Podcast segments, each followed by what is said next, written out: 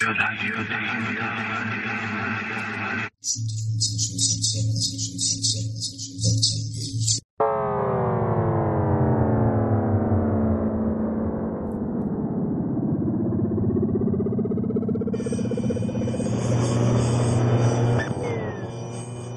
Serdecznie Was zapraszam do podcastowej audycji 3600 sekund, bo chcę wiedzieć. Jest to audycja z różnych dziedzin, m.in. takich jak starożytna archeologia, psychologia, medycyna, oficjalna jak i alternatywna. Jest to audycja mająca na celu uświadomić Tobie, drogi słuchaczu, że jest więcej niż mniej. Przedstawia mniej zagadnienia z psychologii, otoczenia człowieka, obserwacji otoczenia, biologii oraz mikrobiologii, jak i z każdej dziedziny w sposób migawkowy. To do Ciebie, drogi słuchaczu, należy, abyś przysiadł na ławeczce lub usiadł bujającym się fotelu z kubkiem ciepłej i pysznej kawy i zadając pytania próbował sobie na nie odpowiedzieć na sobie własny sposób. I do tego bardzo serdecznie Cię zapraszam w tej audycji, audycji 3600 sekund, bo chcę wiedzieć. Serdecznie Was pozdrawiam i zapraszam do audycji.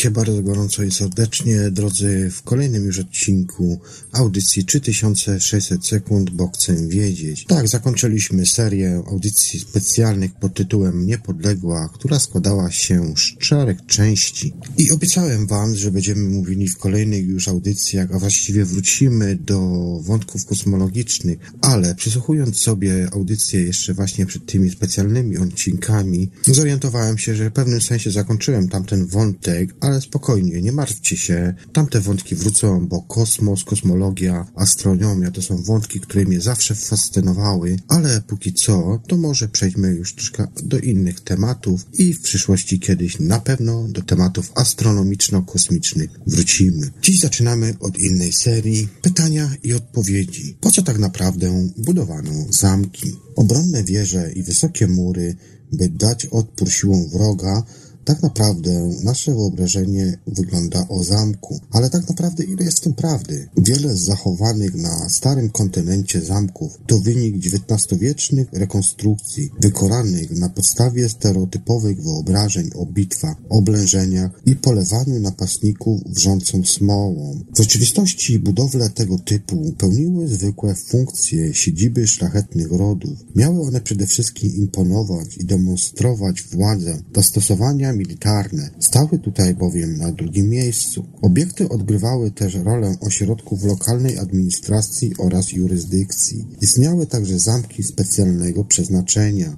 Niektóre z nich służyły jako komory celne, wokół innych lokowano wsie i miasteczka. Natomiast wielkie warownie, będące miejscem stacjonowania wojsk, stanowiły raczej wyjątek.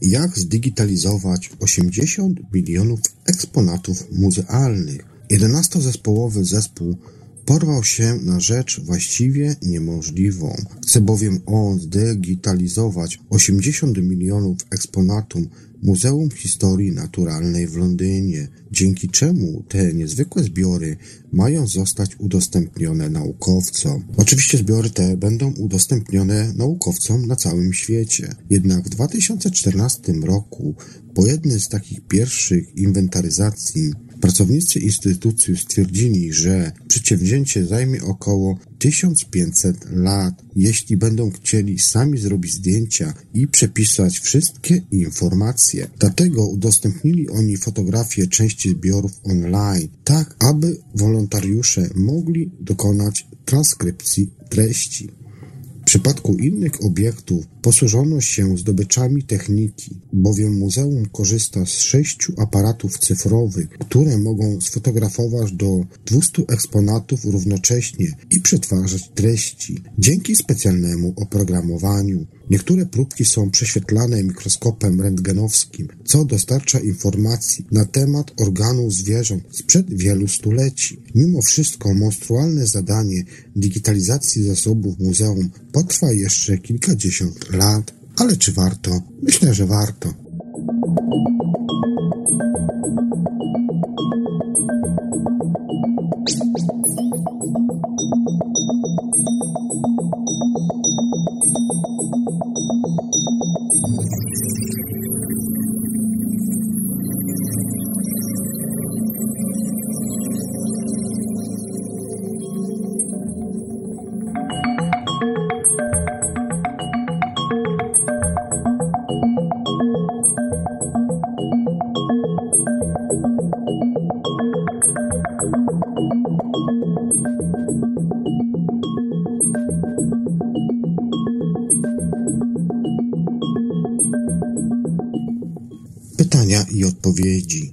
Dlaczego kleszcze to zawodnicy wagi ciężkiej? W niektórych okolicach kleszcze wznawiają aktywność już w lutym. Gdy temperatura przez dłuższy czas nie spada poniżej 7 stopni Celsjusza, budzą się ze snu zimowego, piekielnie głodne. Koniecznie potrzebują wtedy krwi, by przejść od larwy do kolejnego stadium w cyklu rozwojowym lub by złożyć jaja.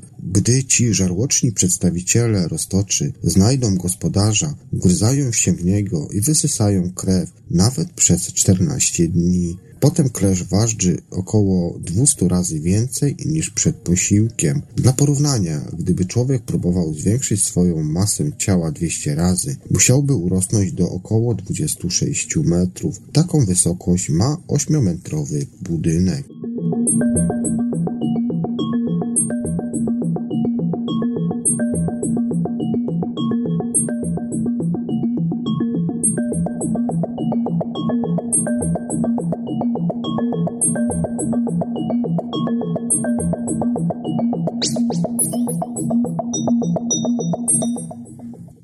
Powstanie towarowe metro. Szacuje się, że liczba ciężarówek w Szwajcarii wzrośnie w następnych latach o około 40%. By uniknąć korków i zanieczyszczenia środowiska, Alpejska Republika planuje budowę systemu tuneli o łącznej długości 450 km.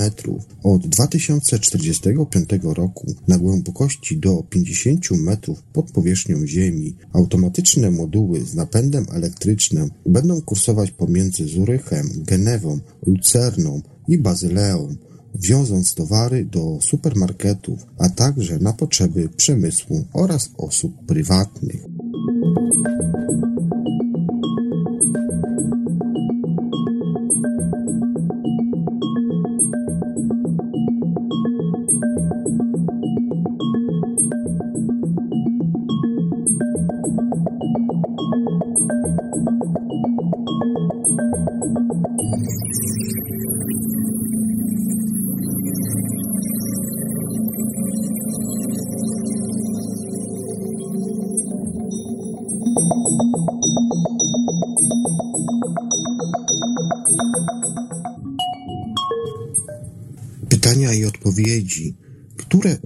Pozwala zostać mistrzem polowań? 400 metrów. Tyle może przebiec gepard z maksymalną prędkością. Potem opada z sił. Gepard obserwuje antylopę od kilku minut. Nagle rusza w mgnieniu oka, przyspieszając do ponad 90 km na godzinę. Żadne inne zwierzę lądowe go nie przyścignie, więc los zdobyczy jest już przypieczętowany. Wystarczy uderzenie w tylne nogi i ugryzienie w szyję, by ofiara wydała ostatnie tknienie. Ale w jaki sposób gepard pędzący z tak zawrotną prędkością jest w stanie nakierować swoje ciało dokładnie na skaczący i robiący uniki cel? Odpowiedzialne za niezwykłą zwrotność w trakcie polowania jest jego ucho wewnętrzne, co odkrył zespół kierowany przez Camille Groch z Amerykańskiego Muzeum Historii Naturalnej w Nowym Jorku, badając za pomocą tomografii komputerowej czaszki 15 gatunków kotowatych. Narząd równowagi gepardów, znajdujący się u wszystkich kręgowców uchu wewnętrznym, wyróżnia się rozmiarem dzięki szczególnie dużej objętości kanałów półkolistych czy takich cienkich przewodów wypełnionych płynem służących do wykrywania ruchu, drapieżnik ten bardzo precyzyjnie orientuje się w przestrzeni i steruje obrotami głowy oraz czaszek.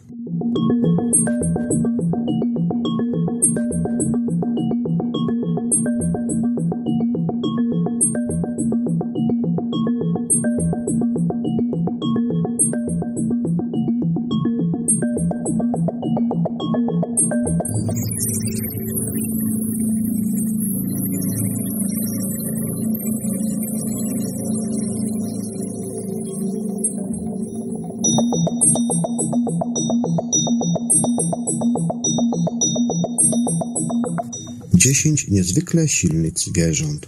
Numer jeden. Mechowiec. Waży on zaledwie jedną pięćdziesiętną tysięczną grama, ale jest w stanie podnieść 1180-krotność swojej wagi. Numer dwa. Żółk gnojarz. Potrafi on wprawić w ruch obiekty ważące około 1140 razy więcej niż on sam. Nie męczy się zatem, tocząc kulkę odchodów. Numer 3. Rochatyniec nosorożec. Ten chrząszcz siłą niewiele ustępuje żukowi gnojarzowi i podnosi ciężary 850 razy większe od siebie. Numer 4. Grzybiarka. Swoimi żuwaczkami mrówka ta może przetransportować rzeczy 50 razy cięższe od siebie. Numer 5. Goryl wschodni. Największy żyjący ssak naczelny sam nie jest lekki. Waży on do 200 kg, a jest on w stanie podnieść nawet 4 razy większy ciężar od siebie. Numer 6. Wojownik wspaniały. Ten przedstawiciel jaszczębiowatych może unieść zdobycz ważącą 4 razy więcej od siebie. Numer 7. Tygrys. Największy i najsilniejszy kot to zarazem niezły siłacz, bowiem potrafi on wprawić w ruch dwukrotność swojej wagi. Numer 8. Słoń. Najcięższe i drugie po żyrafie najwyższe zwierzę lądowe, który uniesie 1,7-krotność własnej wagi. Numer 8.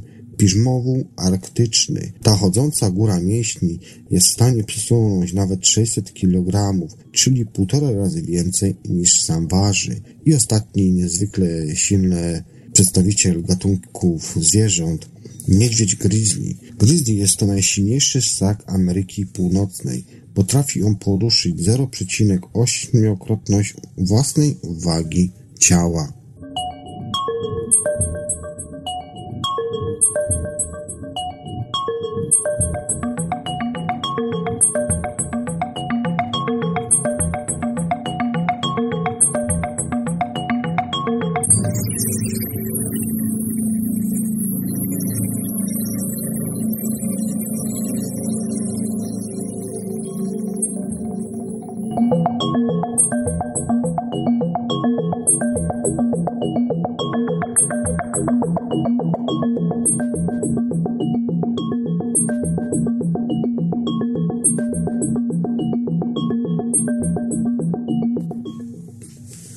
Co temperatura ciała mówi o długowieczności? Zdradź mi swoją temperaturę, a powiem ci, kiedy umrzesz. Tak mógłby brzmieć tytuł pracy badawczej zjada Obermeyera z Akademii Medycznej Harvarda. Naukowiec odkrył, że wzrost normalnej temperatury pacjenta o 0,15 stopni Celsjusza zwiększał prawdopodobieństwo śmierci w ciągu następnych 12 miesięcy, aż o 8,4%.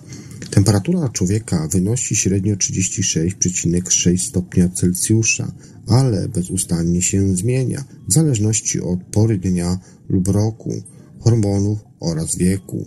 Jeśli jednak jest stale podwyższona, może to wskazywać na procesy zapalne w organizmie lub rozwijający się nowotwór. thank you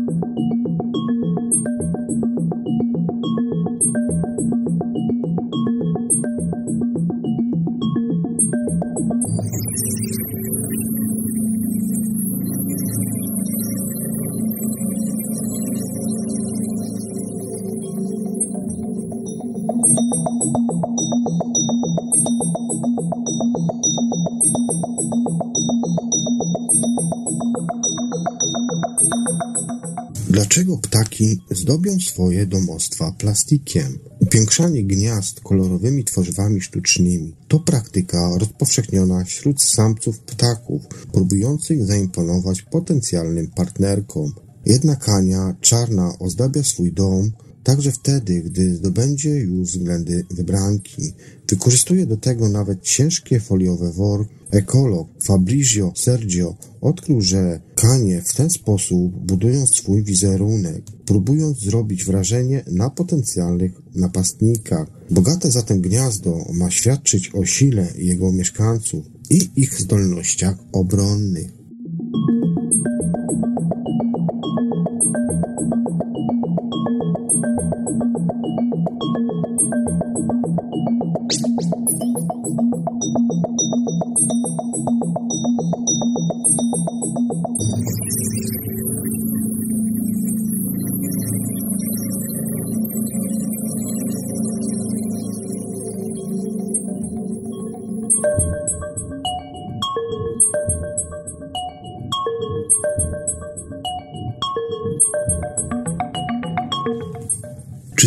Wyspa może urosnąć? Dotychczasowe prognozy dla Tuwalu, wyspiarskiego państwa na Pacyfiku, nie były optymistyczne. Archipelag miał zniknąć pod wodą. Okazuje się jednak, że wyrok został odroczony i państewko nie padnie na razie ofiarą globalnego ocieplenia i związanego z nim podniesienia się poziomu morza. Wręcz przeciwnie, jego powierzchnia rośnie. Jak wynika z badań przeprowadzonych przez Paula Kensha z Uniwersytetu w Auckland, fale powodują najwyraźniej, że osady wymywane na brzeg nie tylko wyrównują wzrost poziomu wody, ale nawet go przewyższają.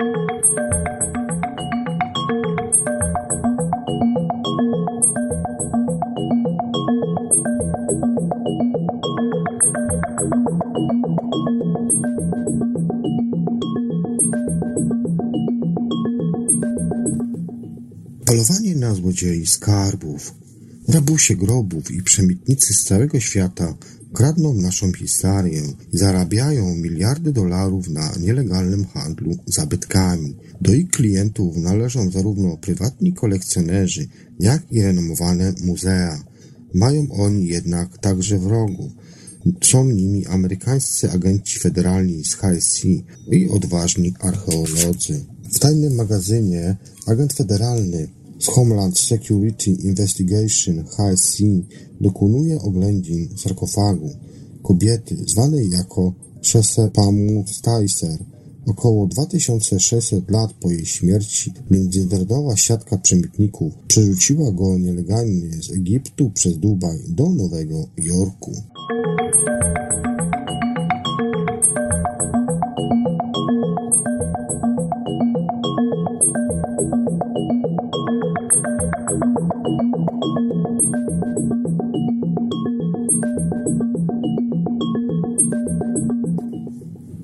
Kroniki pustyni. Jeszcze kilka lat temu Położone we wschodniej Syrii ruiny starożytnego miasta Marii uchodziły za pomnik historii, obfitujący w bezcenne artefakty. Po wybuchu wojny domowej w 2011 roku i ofensywie tzw. Tak państwa islamskiego pojawili się łowcy antycznych skarbów oraz przemytnicy. W ciągu paru lat w poszukiwaniu cennych reliktów przeszłości podzielowili oni ziemię jak sito, zostawiając ślady zniszczenia, widoczne nawet na zdjęciach satelitarnych. Agent specjalny z Homeland Security Investigation HSC Brandon Aster stoi przed bramą garażu na nowojorskim Brooklynie. Bierze głęboki wdech, bo wie, że zaraz potem może dojść do przełomu śledztwa. Od pięciu lat kieruje operacją Klątwa Mumii, w ramach której wraz z zespołem śledczym z jednostek specjalnych HSC tropi międzynarodową sieć przemytników. Przestępcy wywieźli z Egiptu warte miliony dolarów zabytku z czasów faraonów, by sprzedać je w Stanach Zjednoczonych. Esther zdoła zidentyfikować prawie wszystkich podejrzanych egipskich grabusiów, grobów, pośredników w Dubaju, handlarzy w Nowym Jorku. Teraz do szczęścia brakuje mu tylko łupu.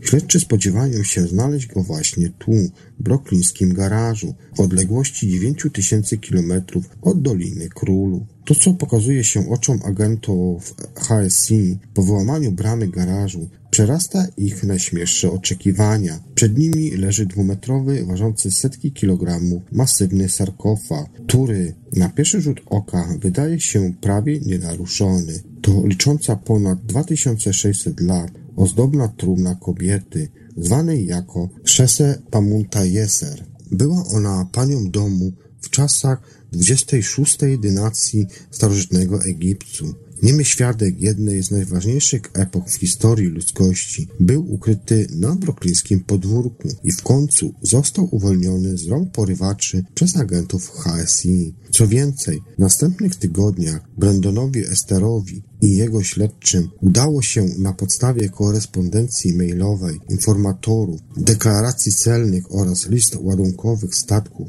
prześledzić trasę podróży sarkofagu tej właśnie mumii, a także wytropić i przesłuchać dwóch jordańskich przemytników, syryjskiego pośrednika i amerykańskiego kolekcjonera dzieł sztuki. W efekcie zabezpieczono 7 tysięcy artefaktów o czarnorynkowej wartości milionów dolarów i przeniesiono je do tajnego magazynu HSC w Nowym Jorku. Tam zabytki są badane przez ekspertów, zanim zostaną odesłane do swojej ojczyzny. Tak od lat postępuje się z tysiącami skarbów przeszłości, odnajdywanych przez jednostkę specjalną, tropiącą międzynarodowe sieci przemytników i umieszczanych przejściowo w halach składu celnego HSC w celu przeprowadzenia badań. Można tu więc znaleźć terakotowych żołnierzy z Chin, wizerunki Buddy z Indii, posążki z Kambodży, zabytki z Iraku, Syrii, Egiptu i Jemenu. Budynek ten bez wątpienia przypomina raczej muzeum niż magazyn dowodów rzeczowych Urzędu Federalnego. Zabytki to ostatnie ogniwo łączące nas z przeszłością. Gdy dostają się niepowołane ręce, archeolodzy nie mogą dokonać profesjonalnej analizy, więc bezpowrotnie tracimy wiedzę na temat historii, bo relikty, wizerunki, bóstwa i artefakty naszych przodków są niezmiernie ważne dla tożsamości kulturowej ludzi. Czy to dom, w którym odbywają się porody, czy może świątynia ku czci zmarłych, czy to może dzban do picia czy uboju, wiele znalezisk odsłania swoją przeszłość i prawdziwe znaczenie dopiero w powiązaniu z otoczeniem, w jakim je wykonano. Właśnie to sprawia, że Ester chce zdemaskować jak największą liczbę rabusiów, grobów i skonfiskować ich łupy. Pomagają nam przy tym ludzie prawie wszystkich dziedzin międzynarodowego handlu zabytkami. Dzięki tajnym operacjom Zaginiony Skarb, Klątwa Muci i trwającej jeszcze w Azji operacji Ukryte Bożki mamy teraz informatorów na całym świecie. Jak zatem szczerze się na przykład zmarłego króla?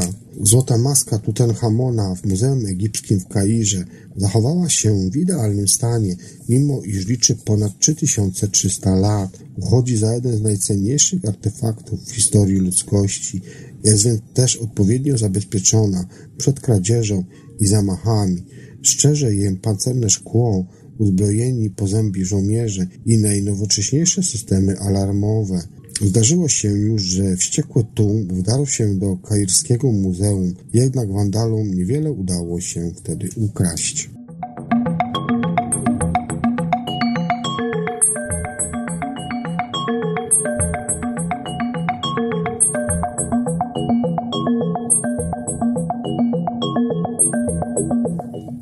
Sukcesy odnoszone przez śledczych w walce z międzynarodowym przemytem zabytków to tylko kropla w morzu, bo w mało którym nielegalnym interesie marża zysku handlarzy jest tak wysoka przy tak niskich karach grożących złapanym. Na plądrowaniu grobów opiera się jeden z największych czarnych rynków na świecie. Mamy do czynienia z dużą ilością niewykrytych spraw. Suma ze sprzedaży nielegalnie pozyskiwanych dóbr kultury może wynosić obecnie kilkanaście, a nawet kilkadziesiąt miliardów dolarów rocznie, ponieważ rabunkowe wykopaliska w ostatnich latach przybrały na sile. Tak wyjaśnia Eckhard Laufer, niemiecki śledczy z policyjnej jednostki zajmującej się ochroną dóbr kultury. Jednym z powodów jest fakt, iż podobną marżę zysku dają tylko narkotyki, z tą różnicą, że im więcej pośredników, tym są brudniejsze, czyli bardziej zanieczyszczone, podczas gdy nielegalne zabytki z każdym pośrednikiem staje się coraz czystsze. Początek łańcucha przemytu da się odnaleźć wyłącznie ogromnym nakładem sił i środków, a i tak udaje się to jedynie w wyjątkowych przypadkach. Tak wyjaśnia Brandon Esther.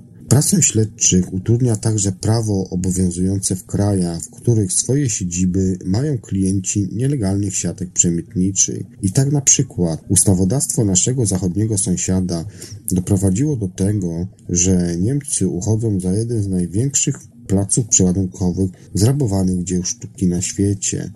Zgodnie z niemieckim prawem Bardziej szczegółową deklarację celną trzeba złożyć dla zwykłego kurzego jaja niż w przypadku najcenniejszych zabytków historii. Poza tym, by odzyskać zrabowane artefakty, rządy poszkodowanych państw muszą udowodnić prawo własności. A to jest często niemożliwe, zwłaszcza gdy obieg pochodzi z nielegalnych wykopalisk. Wprawdzie w Unii Europejskiej panuje zakaz wwozu i wywozu dóbr kultury z Bliskiego Wschodu, jednak znawcy sztuk rynku donoszą, że takie restrykcje można stosunkowo łatwo obejść. Zdarza się na przykład, że towar od paserów kupują nie tylko pozbawieni skrupułów prywatni kolekcjonerzy i miliarderzy, ale także zachodnie muzea sztuki historyczne lub archeologiczne. Poza tym eksperci narzekają na słabo wykwalifikowanych celników.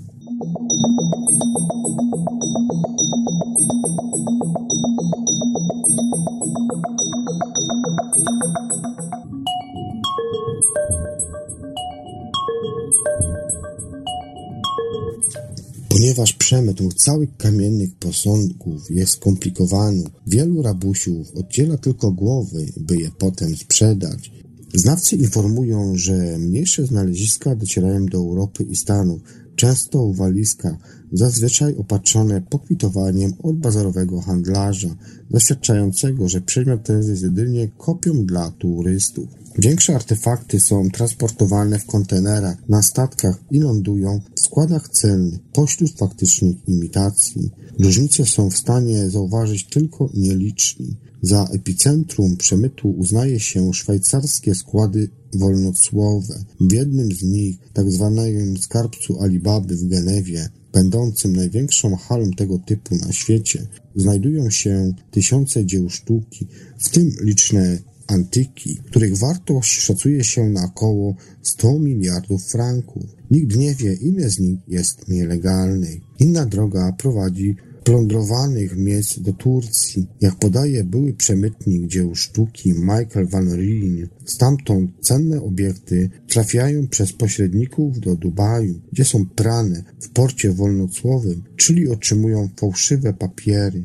Od tej chwili są już legalne. Pracę śledczych z HSI i Interpolu utrudnia także fakt, że kary za nielegalne plądrowanie oraz handel historycznymi dobrami kultury są tak niskie w porównaniu z sankcjami karnymi za obrót narkotykami czy bronią. Nie odstraszają więc od popełnienia tego typu czynów. I tak na przykład przemytnicy zatrzymywani w ramach operacji Klątwa Mumii zostali skazani jedynie na trzy lub czterocyfrowe kary grzywny. Śledczych i archeologów bardziej niż złe prawo martwi to, że aktualnie w tej części świata, w której tkwi większość skarbów dawnych kultur, jest coraz więcej obszarów, których nie obowiązuje żadne prawo. To z kolei umożliwia np. terrorystom z tzw. Tak państw islamskich finansowanie wojny z nielegalnego handlu zabytkami pochodzącymi ze splądrowanych miejsc, przez co zniszczeniu ulega dziedzictwo kulturowe całych epok.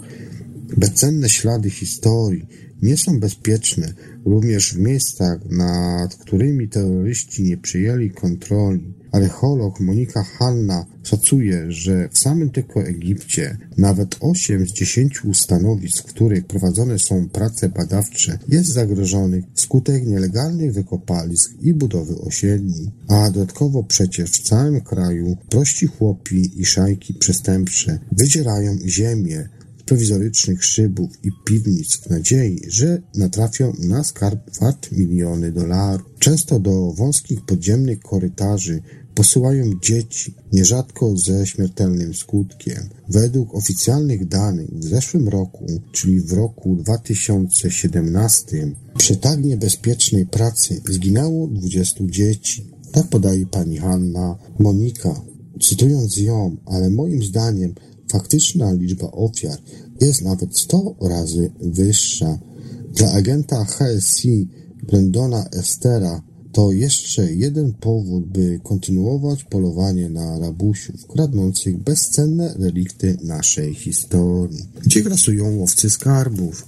Miejsce przestępstwa Włochy. W 2016 roku Szwajcarzy wrzucili władzom Italii 45 skrzyń z archeologicznymi skarbami z czasów kwitnącej 2,5 tysiąca lat temu kultury Etruski. Kolejne miejsce to Egipt, miejsce przestępstwa. W 2013 roku fundamentaliści islamscy napadli na koptyjski klasztor pod wezwaniem Dziewicy Maryi i świętego Abrahama w egipskiej miejscowości Delga. Plądrowali klasztor, a potem go podpalili.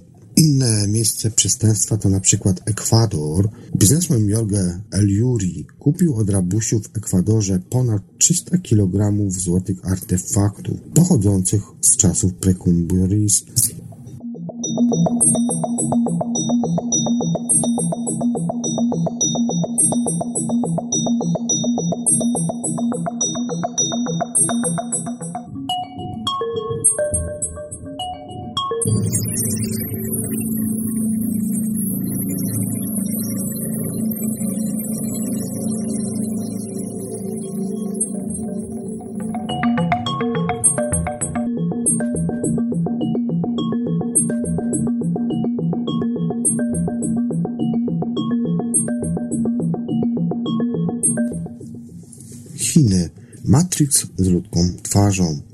Zapanować nad zachowaniem 1,4 miliarda ludzi? To jest bardzo proste. Wystarczy zamienić każdą twarz w nieustannie skanowany dokument tożsamości, a życie w program lojalnościowy.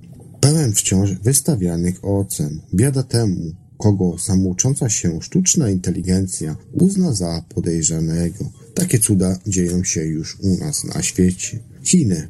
Masz coś do ukrycia?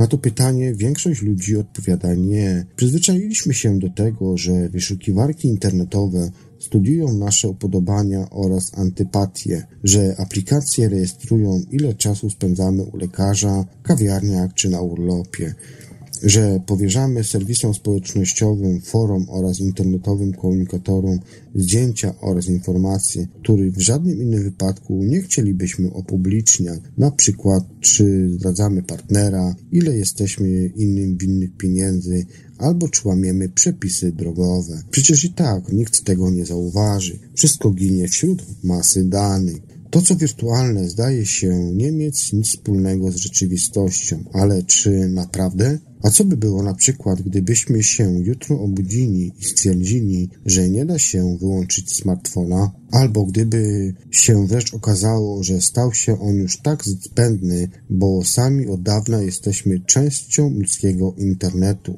który manipuluje nawet naszymi myślami. To bynajmniej nie są urojenia, bowiem Chiny, kraj, w którym Matrix stał się rzeczywistością, to już nie fikcja, ale to już prawda. Ingui jest współzałożycielem i szefem Megui, największej na świecie platformy do rozpoznawania twarzy. Jej oprogramowanie Face++ używane jest w dziewięciu z dziesięciu najważniejszych firm internetowych w Chinach oraz przez rząd. Już niebawem w kraju będzie 600 milionów kamer. Średnio przypadnie więc jedno takie cyfrowe oko na dwóch mieszkańców Chin.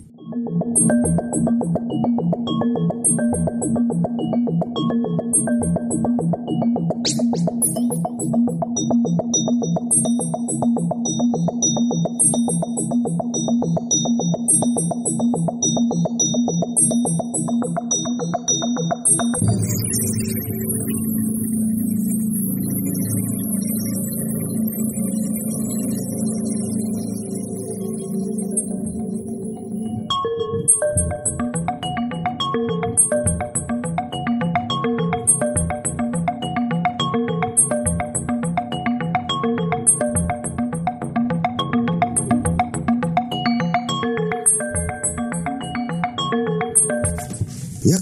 przyszłego przestępcę? Naszą podróż rozpocznijmy w amerykańskim stanie Washington. Jeśli w Seattle skierujesz się pod adres 7 Avenue 2131, możesz na chwilę przenieść się w przyszłość, dotknąć jej, zastanowić się nad nią, bądź nawet zabrać ją ze sobą. Tam zajmująca się sprzedażą wysyłkową firma Amazon u stóp budynku Day One, będącego jej imponującą kwaterą główną, otworzyła z końcem stycznia 2018 roku supermarket. Nie ma w nim kasy, nie ma koszyków. Robiąc zakupy w Amazon Go, potrzebujesz tylko aplikacji na smartfonie, za pomocą którego potwierdzisz swoją tożsamość. Resztą zajmują się kamery oraz sztuczna inteligencja SI. Rozpoznają one kto i co bierze z regału, wkłada do kieszeni lub torby albo odkłada. Nie ma znaczenia, jak dużo ludzi jest w sklepie. Urządzenia Jeffa Bezosa, od niedawna najbogatszego człowieka na świecie, którego majątek wynosi 128 miliardów dolarów, dokładnie analizują, co się dzieje aż do momentu, kiedy to przy wyjściu ze sklepu z konta klienta automatycznie pobierana jest należność. Niesamowite, prawda? Ale czy oby? Ależ skąd? To dziecinna zabawa, tak przynajmniej Widzą to chińskie władze. Realizowany jest od dawna kolejny etap tego technologicznego społecznego eksperymentu.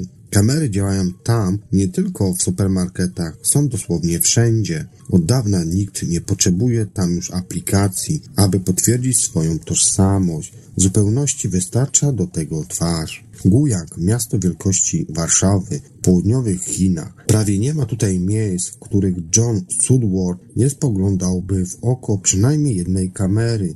Zwykle jest ich co najmniej kilka. John ucieka przez ruchliwą metropolię. Chce się dostać na dworzec autobusowy.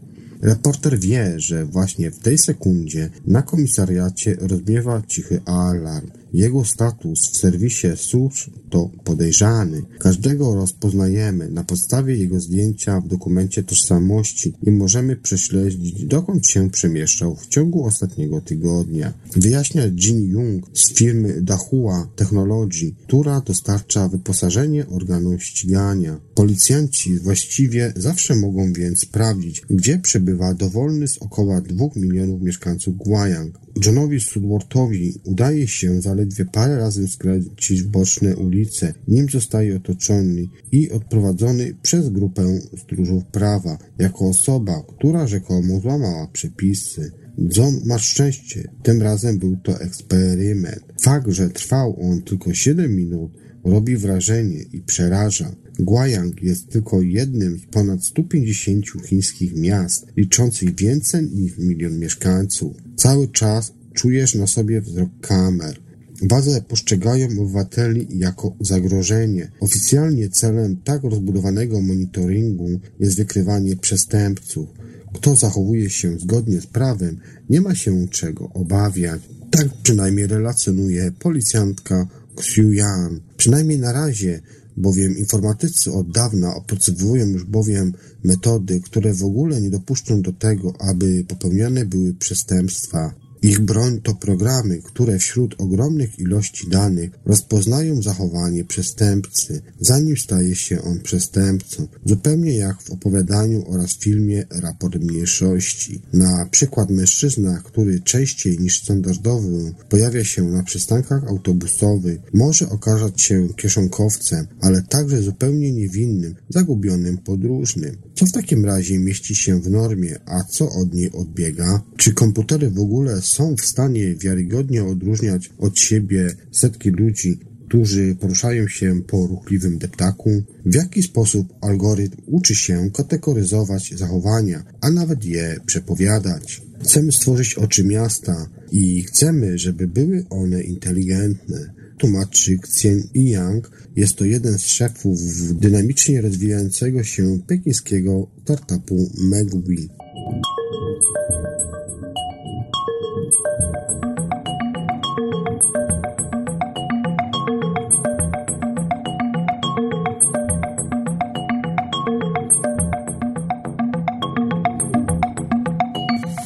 Przypadku wszystkich innych strategicznie ważnych przedsiębiorstw, także tutaj priorytetowym inwestorem jest państwo, choć udziały ma w nim także Rosja. Założona w 2011 roku przez dwóch studentów firma opracowała oprogramowanie o nazwie Face++, Jedno spojrzenie jego użytkownika wystarczy, aby otworzyło mu ono drzwi, skontrolowało bilet na przejazd albo autoryzowało kredyt w banku internetowym. Ta aplikacja jest niemal perfekcyjna przy porządkowywaniu twarzy do tożsamości. W Chinach Face++ można spotkać prawie wszędzie. Używa go ponad pół miliarda ludzi płacąc za zakupy w internecie albo za skrzydełka z kurczaka w KFC, a jego możliwości są jeszcze większe, bowiem oprogramowanie ma dostęp do państwowych baz danych, w których znajdują się zdjęcia 1,3 miliarda osób.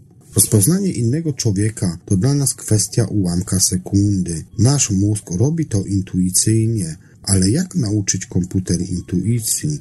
końcu nie można przecież zamknąć tego problemu w matematycznych formułach. Rozwiązaniem jest. Tak deep learning. Za tą koncepcją kryje się sztuczna inteligencja.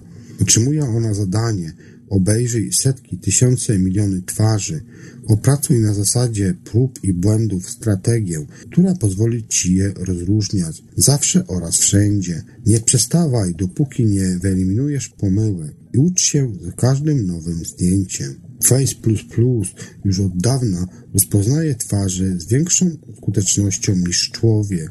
Xiang wyjaśnia, że program może obsługiwać sieci nadzoru, w których liczba kamer dochodzi do 100 tysięcy.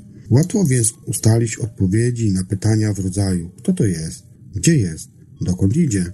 Nie ulega wątpliwości, bowiem twórcy nie przestaną pracować nad swoim systemem, dopóki nie będzie on potrafił skanować w czasie rzeczywistym wszystkich 600 milionów kamer monitoringu, które mają być zainstalowane w Chinach. Xiang tłumaczy wylewnie, cytuję, jest jak w filmie, przyniesiemy do rzeczywistości to, co znasz z filmu science fiction.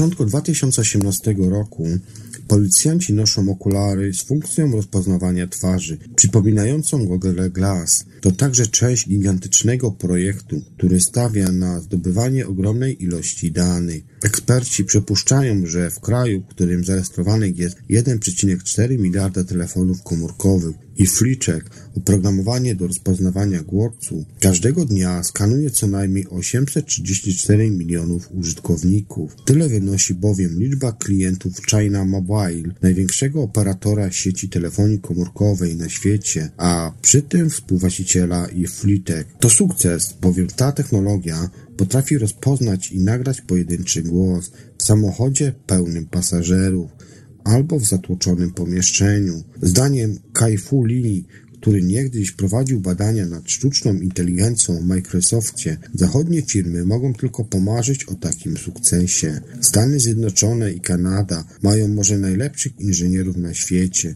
ale Chiny mają tysiące dobrych, a do tego znacznie więcej danych, a sztuczna inteligencja potrzebuje jednego i drugiego. Już w tym roku i Fritek ma zostać wbudowany do kilkuset tysięcy samochodów jako asystent mowy. Tym sposobem w Chinach wypełni się kolejna luka w mechanizmie nadzoru. Wkrótce już nic nie będzie tajne. Dane na temat stanu zdrowia, zachowania zakupowe, orientacja seksualna, opracowywane na podstawie danych GPS, profile przemieszczania się, uczestnictwo w nabożeństwach, a w przypadku milionów Chińczyków nawet genetyczny odcisk palca, śledczy zasysają z urzędów, organizacji lub przedsiębiorstw ponad 100 cech charakterystycznych i na ich podstawie tworzą obszerne profile w tzw. Tak policyjnej chmurze. Chodzi tutaj o system identyfikowania i monitorowania osób, które swoim zachowaniem odbiegają od norm, w tym takie o eksperymentalnych poglądach.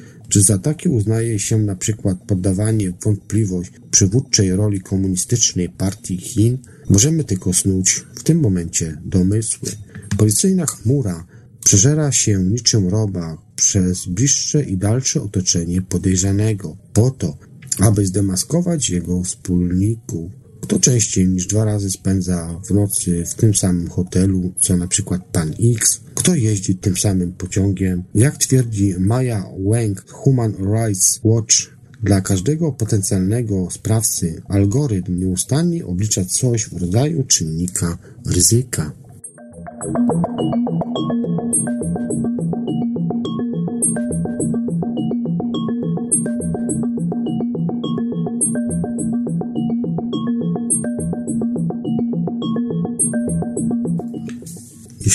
Znani z zachowań odbiegających od norm zmierzają do wspólnego celu, wtedy system wszczyna alarm. Antyrządowa demonstracja? Nic podobnego. Służby porządkowe rozpędziłyby ją, zanim zdążyłaby się w ogóle ukształtować. Nikt nie zna swojego osobistego czynnika ryzyka, ale zaczyna się domyślać, jaki on jest, jeśli z różnych powodów nie może wynająć pokoju w hotelu, odmawia mu się podłączenia do internetu, albo od lat nie awansuje w pracy.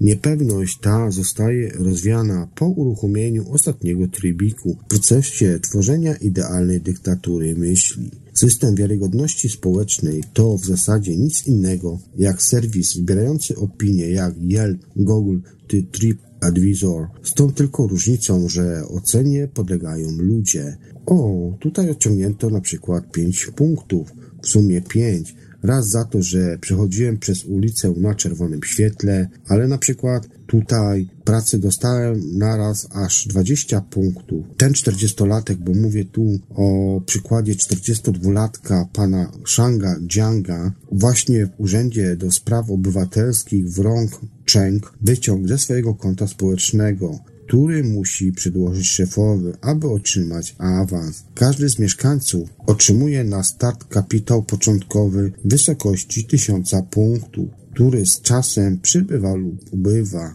Na przykład, gdy był zamieszany w bójkę, odciągają mu punkty. Kupuj zdrowe produkty z Chin, zawartość konta rośnie. Codziennie czytał gazety partyjne, otrzymuje potrójną premię. Osiągnięcie ponad 1400 punktów oznacza najlepszą ocenę w tym specyficznym programie lojalnościowym. Tak jak agencje rankingowe ustalają poziom zaufania w sferze finansowej, tak samo państwo chińskie nadaje najbardziej tego godnym obywatelom status AAA, AA lub A Ludzie, którzy otrzymali taki klasyfikator, dostają preferencyjniejsze kredyty, lepsze świadczenia socjalne, wizę na przykład zagraniczną podróż, albo łatwiej jest im się na przykład ubiegać o pozwolenie na podjęcie studiów wyższych, ale w przypadku kategorii C robi się wtedy ciężko, bowiem taka osoba znajduje się na innej liście, musi ona liczyć się z regularnymi kontrolami policyjnymi, kto spadnie poniżej 600 punktów, otrzymuje status D, czyli status do niczego. Bez zdolności kredytowej, bez szans na zrobienie kariery i zapewnie także bez przyjaciół oraz rodziny, ponieważ ich perspektywy również ulegają pogorszeniu, jeśli mają w swoim otoczeniu taką czarną owcę. Obecnie system przechodzi testy w miastach modelowych, takich jak na przykład Chain, ale od 2020 roku każdy ma być zarejestrowany w tym najlepszym w dziejach ludzkości mechanizmie społeczeństwa. Nie ma już gdzie się ukryć, napisał Jung Shan Dabu we wpisie na swoim blogu. Wkrótce został on usunięty przez cenzurę. Jeśli zetkniesz się z reakcyjną ideologią, niebawem otrzymasz zaproszenie na rozmowę do policji. Twoje możliwości wyboru są takie, że albo idziesz swoją drogą, albo przestań myśleć. Większość decyduje się na tę drugą opcję. Czy masz coś do ukrycia? W Chinach odpowiedź mi nie, bo nie ma już niczego, co dałoby się tak naprawdę ukryć.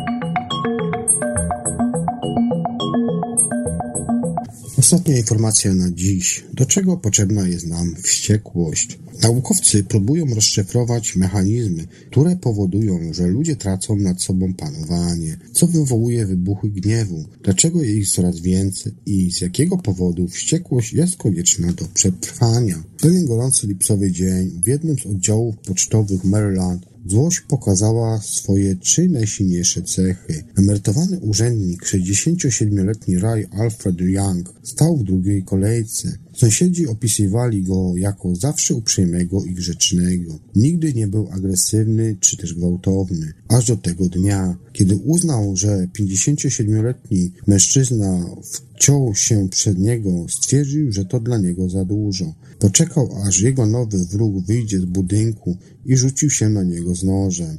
Negatywne emocje całkowicie przejęły nad nim kontrolę.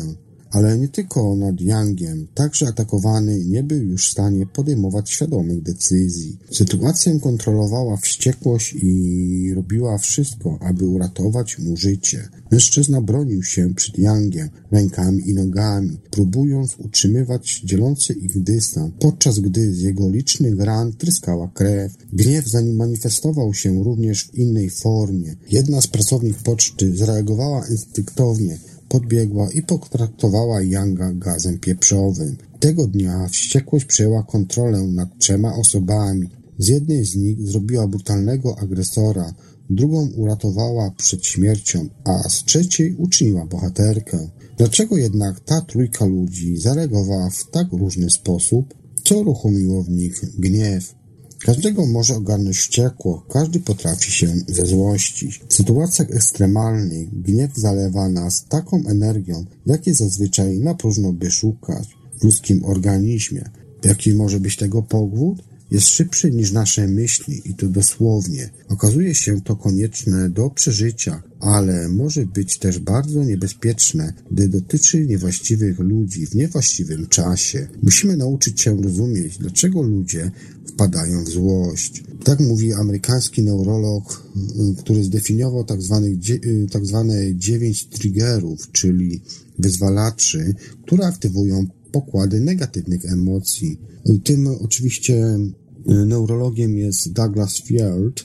Odbywa się to w sposób całkowicie automatyczny w podskórzu niewielkiej części mózgu, która steruje wieloma funkcjami fizjologicznymi, takimi jak głód, pragnienie czy też popęd seksualny. Świadome decyzje są natomiast podejmowane w korze przedczołowej i wymagają więcej czasu. Dziewięć triggerów Wywołuje działania instynktowne, na przykład gdy w grę wchodzi własne życie, zdrowie czy też bezpieczeństwo rodziny. Wciskamy się, kiedy ktoś narusza nasze granice, zagraża naszej wolności lub też własności. Stajemy się nieustępliwi, kiedy atakowana jest nasza pozycja w społeczeństwie albo grupa, do której przynależymy. Niestety czasem reakcja bywa kompletnie nieproporcjonalna. Kiedy tamtego dnia na poczcie Relay Armstrong Young stwierdził, że ktoś próbuje wepnąć się przez niego do kolejki, zostało zaburzone jego poczucie porządku społecznego, niezmiernie ważny mechanizm, który powinien gwarantować pokojowe współistnienie. Zościmy się, kiedy ktoś uchybia przyjętym regułom społecznym. Może nawet wzywamy w takich momentach policję, ale mało kto zachowałby się jak Young, czyli rzuciłby się z nożem na drugą osobę. Tak tłumaczy Field. W tym przypadku jego system sterujący gniewem miał poważną awarię. Problem polegał na tym, że takie awarie zdarzają się coraz częściej. Samochód osobowy zajechał drogę dostawczemu i gwałtownie zahamował. Z obu pojazdów wyskoczyli kierowcy i krzycząc zaczęli się szarpać. O co chodzi? O utrudnienie wyprzedzania? O niebezpieczną jazdę? O obraźliwy gest pokazywany przez okno? Tego już prawdopodobnie nigdy się nie dowiemy, bowiem obaj mężczyźni, którzy w napadzie szału pobili się na drodze ekspresowej S8 koło Starego Krzewa, gdy wjechał w nich rozpędzony tir. Road Rage, czyli drogowa furia, takim mianem określają psychologowie zjawisko nagłego ataku wściekłości wśród zmotoryzowanych, podczas którego dochodzi do rękoczynów lub dewastacji cudzego samochodu. Jaki tego jest powód? Taki, że w trakcie jazdy autem może się aktywować wszystkie dziewięć wyzwalaczy naraz. Jeśli ktoś zajeżdża komuś innemu drogę, to narusza jego terytorium i dodatkowo ogranicza wolność. W tym przypadku prawo do szybszej jazdy przy prędkości grubo przekraczającej 100 km na godzinę zachodzi do niebezpieczeństwa utraty zdrowia i życia. Największy problem sprawia poczucie przynależności do grupy, bowiem na drodze człowiek ma wrażenie, że jest sam przeciwko wszystkim. Mózg reaguje przy tym, jak przez tysiącami lat, kiedy ludzie musieli walczyć z dzikimi zwierzętami i członkami innych plemion. Tymczasem nie żyjemy już jak jaskiniowcy, ale nasz mózg o tym nie wie. Inaczej mówiąc, 100 tysięcy lat temu Wściekłość miała dodać naszym przodkom siły, aby mogli obronić się przed atakiem drapieżnika. Dzięki temu udało im się przekazać swoje geny. Dziś te same emocje aktywują się w podzgórzu, kiedy walczymy nie o przetrwanie, a o szybsze dotarcie z pracy do domu. Drogowa furia jest nie tylko jednym z efektów współdziałania triggerów wywołujących spółdzielność w nowoczesnym świecie. Zalew bodźców oraz sterujących i szybki styl życia, przede wszystkim w dużych miastach, prowadzą coraz częściej do awarii w systemie aktywującym pokłady złości. Także internet potęguje działanie wyzwalaczy, na przykład tego, przynależności do grupy, ponieważ kontroluje nas z ogromnym spektrum ideologii i opinii. Stąd jest tak zwany hejt w sieci.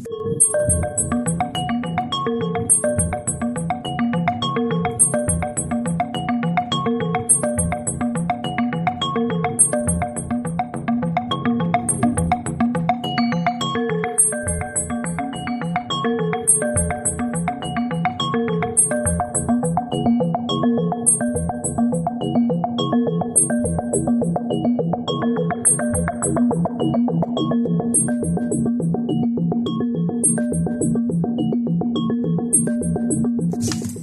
21 sierpnia 2015 roku pociągu TARS 9364 w relacji Amsterdam-Paryż podróżowało 554 pasażerów. Była godzina 17.45, gdy Ayob Al-Hazani opuścił toaletę w wagonie numer 12, uzbrojony po zęby. Amerykanik Mark Mogalian wyrwał mężczyźnie kałasznikowa, ale po chwili padł rażony strzałem z pistoletu. Pocisk trafił go w szyję. W pociągu wybuchł chaos. Pasażerowie próbowali uciec do następnego wagonu. Nagle z zasiedzenia wyskoczył młody człowiek i podbiegł do zamachowca. Był to 23-letni Amerykanin Spencer Stone, który wraz z przyjaciółmi podróżował tym pociągiem. El-Khazani nie wiedział, że Stone jest żołnierzem sił powietrznych Stanów Zjednoczonych, wyszkolonym do celu wyszkolonym do celowego przekierunkowywania złości. Mężczyzna wykorzystał tę energię, aby rzucić się na terrorysty, który właśnie do niego mierzył. El-Khazani nacisnął spust, ale karabin się zaciął. W tym momencie Amerykanin zaczął go dusić w zapaśniczym chwycie. Terrorysta wyjął nóż, ciął Stona w szyję i twarz oraz prawie odciął mu kciuki. Przyjaciołom żołnierza udało się wreszcie obalić napastnika i pobić go do nieprzytomności. Stąd ostatkiem sił doczołgał się do wykrwawiającego się na podłodze poszczelonego Mogaliana. Cisnął mu palec w ranę na szyi, zamykając arterię i ocalając go w ten sposób od śmierci. To siła triggera grupowego, który skłania nas do brutalności, gdy w grę wchodzi ratowanie życia. Tak tłumaczy Field. Może aktywować w człowieku to, co najlepsze, a więc gotowość do najwyższego poświęcenia dla kogoś innego. Ale ten wyzwalacz ma także swoją ciemną stronę. Kryje w sobie potencjał wojny, śmiertelnej rywalizacji gangów i morderczego rasizmu. On też dał początek nazwanemu ruchomi oburzonych. Mimo, że wściekłość jest na stale zakotwiczona w naszym mózgu, to nie jesteśmy bezwolnie wydani na jego pastwę. Możemy nauczyć się ją kontrolować.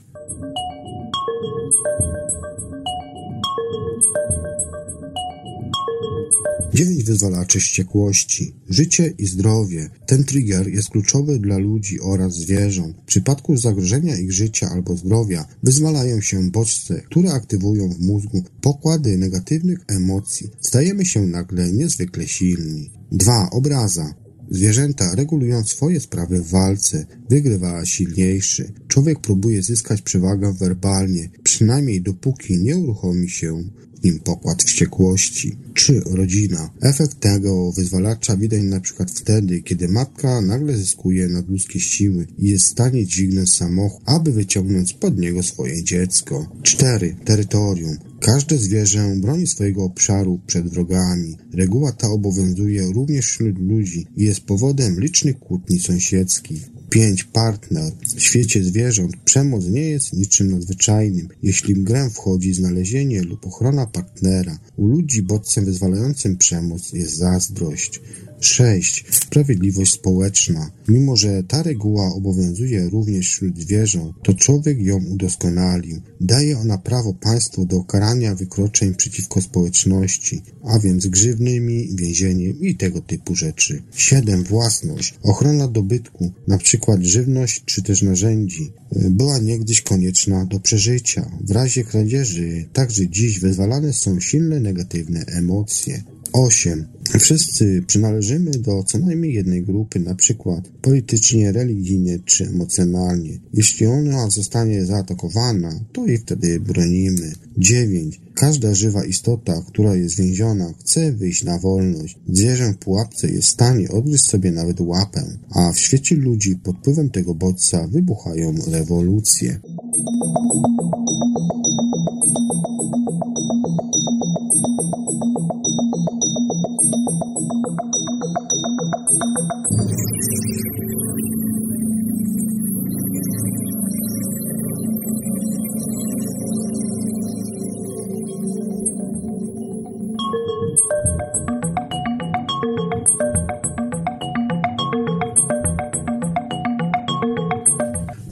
Już wszystko, co przygotowałem dla Was. Serdecznie Wam dziękuję za wysłuchanie tej audycji, audycji 3600 sekund bokcem wiedzieć. Po kolejne odcinki zapraszam Was już w przyszłości, a tymczasem dziękuję Wam bardzo i do usłyszenia. Bądźcie zdrowi, trzymajcie się. Cześć!